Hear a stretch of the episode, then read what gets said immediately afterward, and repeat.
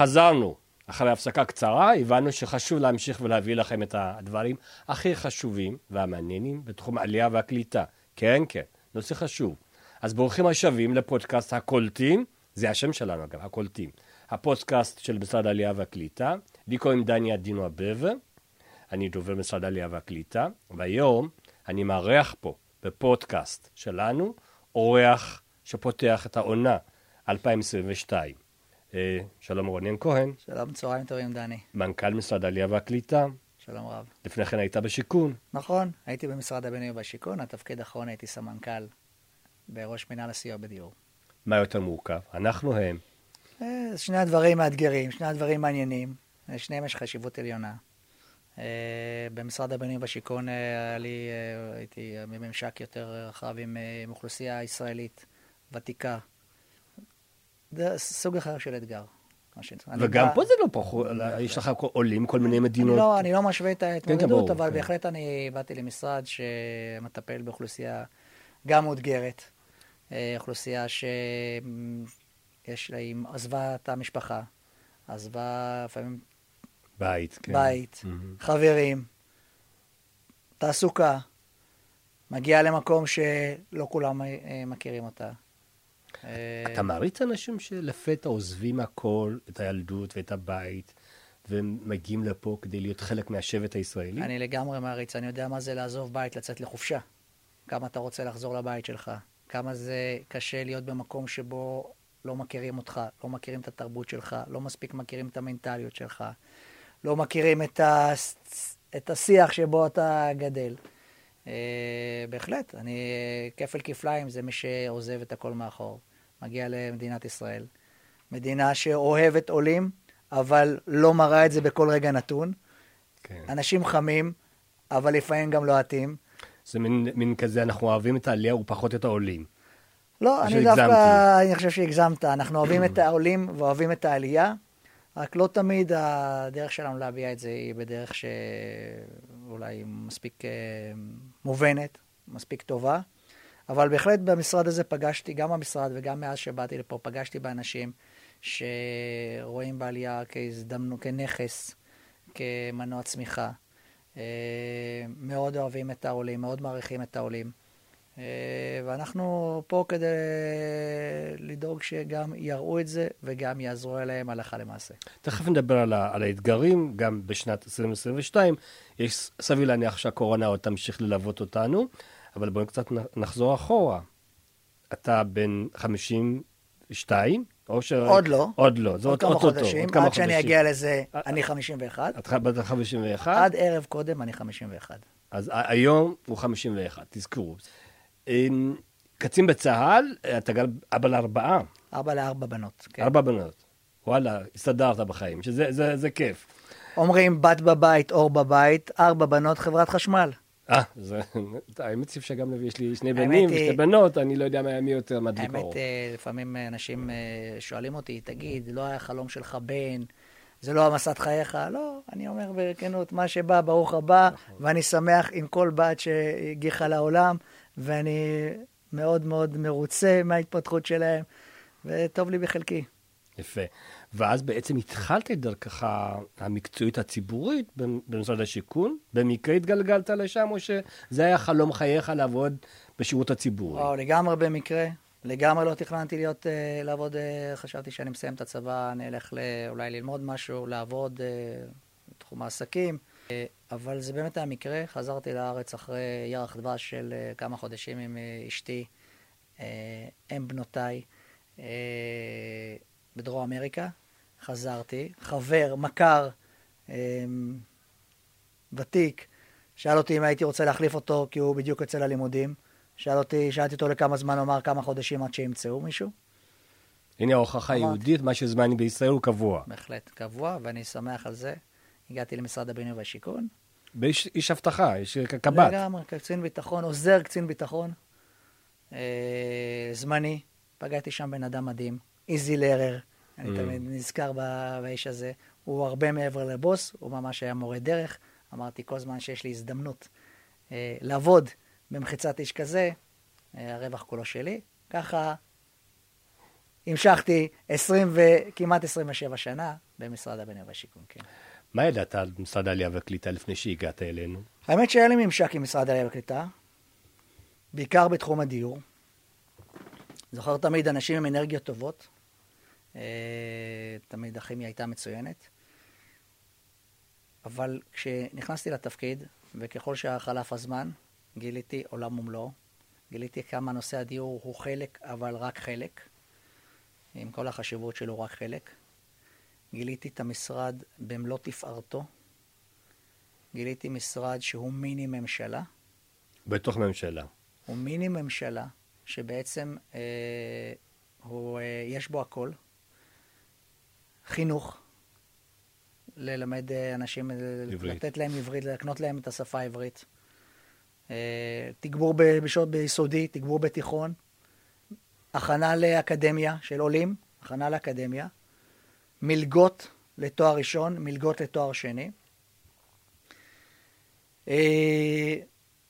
ליווי של חיילים, חיילים בודדים, גם בהכשרה לפני כן, הכשרה לצה"ל, אנשים שמגיעים מנוהוור, לרוב בלי ההורים שלהם, אה, נכנסים לצבא, אנחנו הכתובת גם שלהם, גם עוזרים להם במענקים, גם אה, ליווי ותמיכה, גם כשהם משתחררים אה, נותנים להם סיוע והכשרה והשמה וליווי תעסוקתי. כמובן שעובר דרך דיור, דיור זה מפתח לאנשים, למשפחות, עולים, לאנשים מבוגרים מאוד. 64 מקבצי דיור, ועוד אה, בערך 13, סך הכל 13 אלף אה, יחידים וזוגות שגרים במקבצי דיור. אה, גיליתי ממשק מאוד מאוד גדול עם רשויות. תמיכה ברשויות. המשרד תומך בהרבה מאוד רשויות? כן. בכל שנה. בכל שנה תמיכה ברשויות שבעצם קולטות עולים, שרואים בעולים הזדמנות. ומטפלות ומסייעות להם להשתלב כמה שיותר מהר. אה, כמובן, עבודה עם ארגוני, ארגונים, אה, עמותות וארגונים שמטפלות גם באוכלוסיות קצת יותר מאותגרות, עם נוער בסיכון, עם ילדים, במועדונים, אה, מסייעות להם לניהול כלכלי נכון יותר, גם בתחום הרווחה. גיליתי שהמשרד הזה משרד רווחה, יש בו אגף רווחה. באמת אה, מחפש לסייע לאנשים שהם לא בהכרח בפריים. אה, מנסה לאתר אנשים במצוקה. קחו בחשבון, ש... קח בחשבון שאנשים, אה, כשהם עוזבים את המדינה שלהם, מגיעים לארץ חדשה, כן. חדשה שלא... גם ככה התמודדות קשה. נוסיף על זה לפעמים אתגרים בריאותיים, אתגרים כלכליים, קשיי פרנסה. דברים שקשורים לקשר בין ילדים לבין הורים, אמ, ותמיכה נפשית שצריך. באמת, אה, גיליתי משרד שמקצה לקצה, מה שנקרא. מה חסר להם? כשאתה רואה, כשאתה פוגש אותם, אתה אומר, איפה ההכרה של החברה לתרומתם לחברה הישראלית? אה, אני כן חושב שצריך עוד ועוד לדחוף אותם, את העולים, לסדר היום הציבורי. וצריך אה, באמת להראות ולחשוף את הציבור הישראלי הוותיק, באמת לתרומה האדירה שלהם, של העולים, לכלכלת המדינה. יש מחקרים שהמחקר, ה... נקרא לזה, הקשוח ביותר נקרא לזה, אומר שעל כל שקל שהמדינה משקיעה בעולה היא מקבלת חמישה שקלים. קראתי גם מחקרים שמדברים על 12 שקלים ו-13 שקלים, אבל בואו נניח שזה חמישה שקלים. פי חמש אה, מההשקעה, זה דבר שמדבר בעד עצמו. אה, אפשר גם לראות שאיך התמ"ג אה, במשך השנים עלה, ובאמת כל המדדים הכלכליים בזכות העולים, רופאים, בהייטק, גם במקצועות של הוראה, גם, גם אחיות, גם אנשים על פס הייצור של רתכים, נהגים, כל מה שהמשק זקוק לו, ואנחנו עושים מאמצים גדולים על מנת אה, באמת אה, לחבר ככל הניתן בין העולים לבין הקהילה, בסוף זה באמת, אה, הקהילה פה היא מפתח חשוב מאוד להשתלבות המהירה של העולה במדינת ישראל. בוא נדבר על 2022, שהיא שנה לא פחות מאתגרת, גם תקציבית. אז מה, התקציב גדל כי 2022 אמורה להיות שנה שאולי כמות העולים יגדל? נכון. מה הצפי? אנחנו קודם כל מצפים להביא לגידול משמעותי במספר העולים. אנחנו כבר רואים בתחילת השנה שהתחלנו אותה במספר גבוה יותר בהשוואה לשנה שעברה. אנחנו אה, חוזים, צופים, מקבלים גם, אה, מקבלים אינדיקציות. גם אה, אינדיקציות מארגונים מעודדי עלייה, מארגונים שפועלים ב, בחו"ל, גם המוסדות הלאומיים, סוכנות, קרן היסוד, הסתדרות הציונית העולמית, גם חברת אופק, סוכ... שהיא זרוע הביצוע בעצם של המוסדות הלאומיים. אינדיקציות לכך שיש רצון ויש התעוררות ויותר מאשר שנה קודמת. יש סיבה? אתה, כמנכ"ל אתה מסתכל, מה, מה, מה היהודי רוצה? כן, קודם כל היהודי, הרבה יהודים גדלו על החלום הזה של מדינת ישראל והגשמת החלום הציוני. מעבר לזה שהם רואים שזו מדינה שמתפקדת היטב במצבי משבר. כמו המצב הבריאותי, המדינה סך הכל אה, מתפקדת טוב. אה, הרבה מאוד זה בזכות אה, שיפור מאוד מאוד גדול שבתחום הקליטה.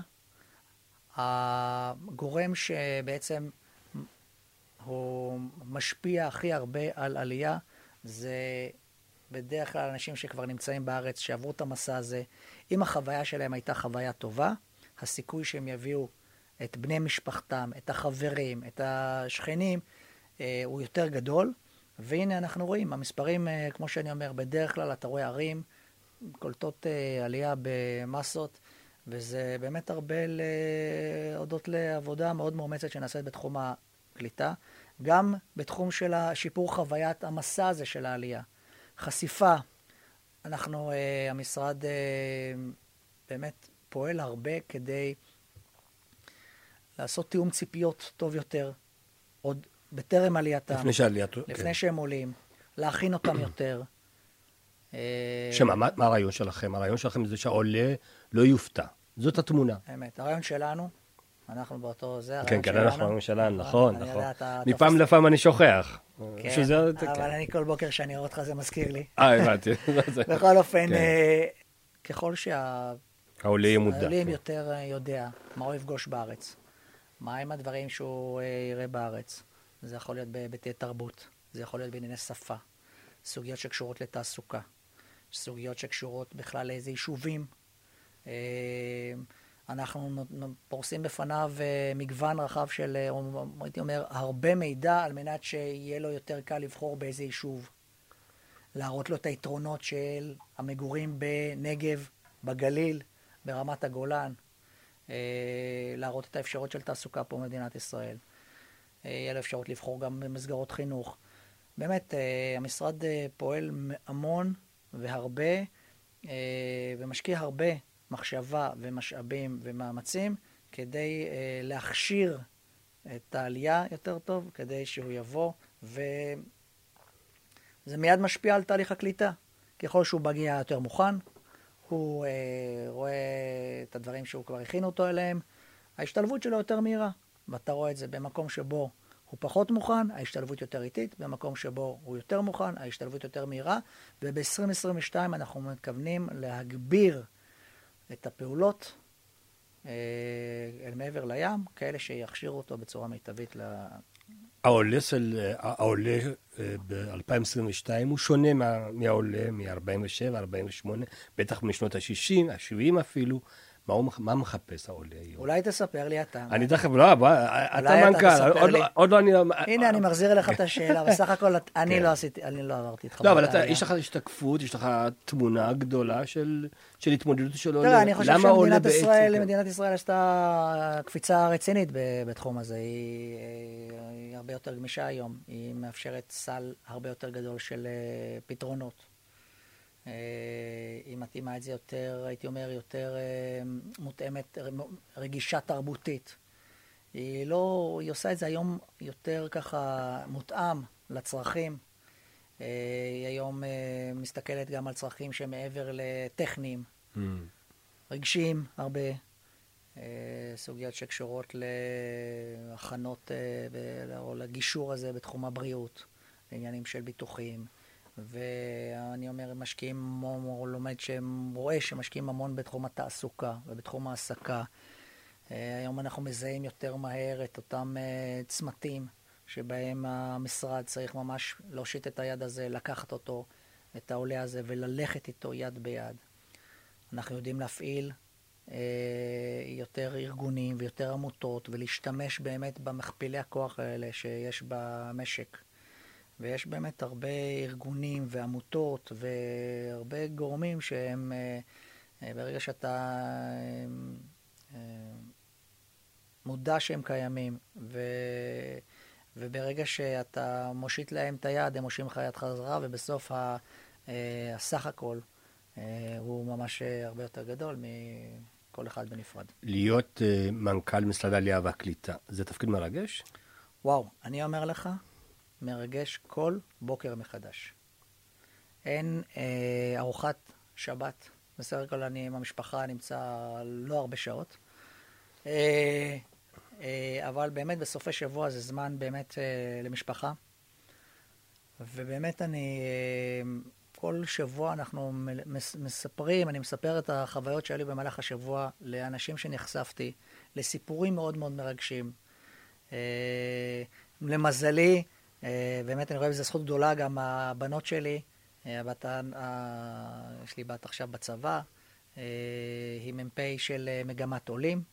זה ממש... הכל נשאר במשפחה. ממש מקריות, אבל uh, מגמת עולים. היא מספרת על החוויות שלה, על המפגשים שיש לה. יש לה גם ביקורת על האבא כמנכ"ל? יש לה בהחלט הרבה, הרבה הצעות ייעול, ואני מודה, לוקח אותם איתי. לא תמיד מספר שזה בזכות הבת שלי, כן. אבל אם אנחנו כבר מעלים את זה עכשיו, באמת מגיע לה הרבה קרדיט. הדר הבת שלי.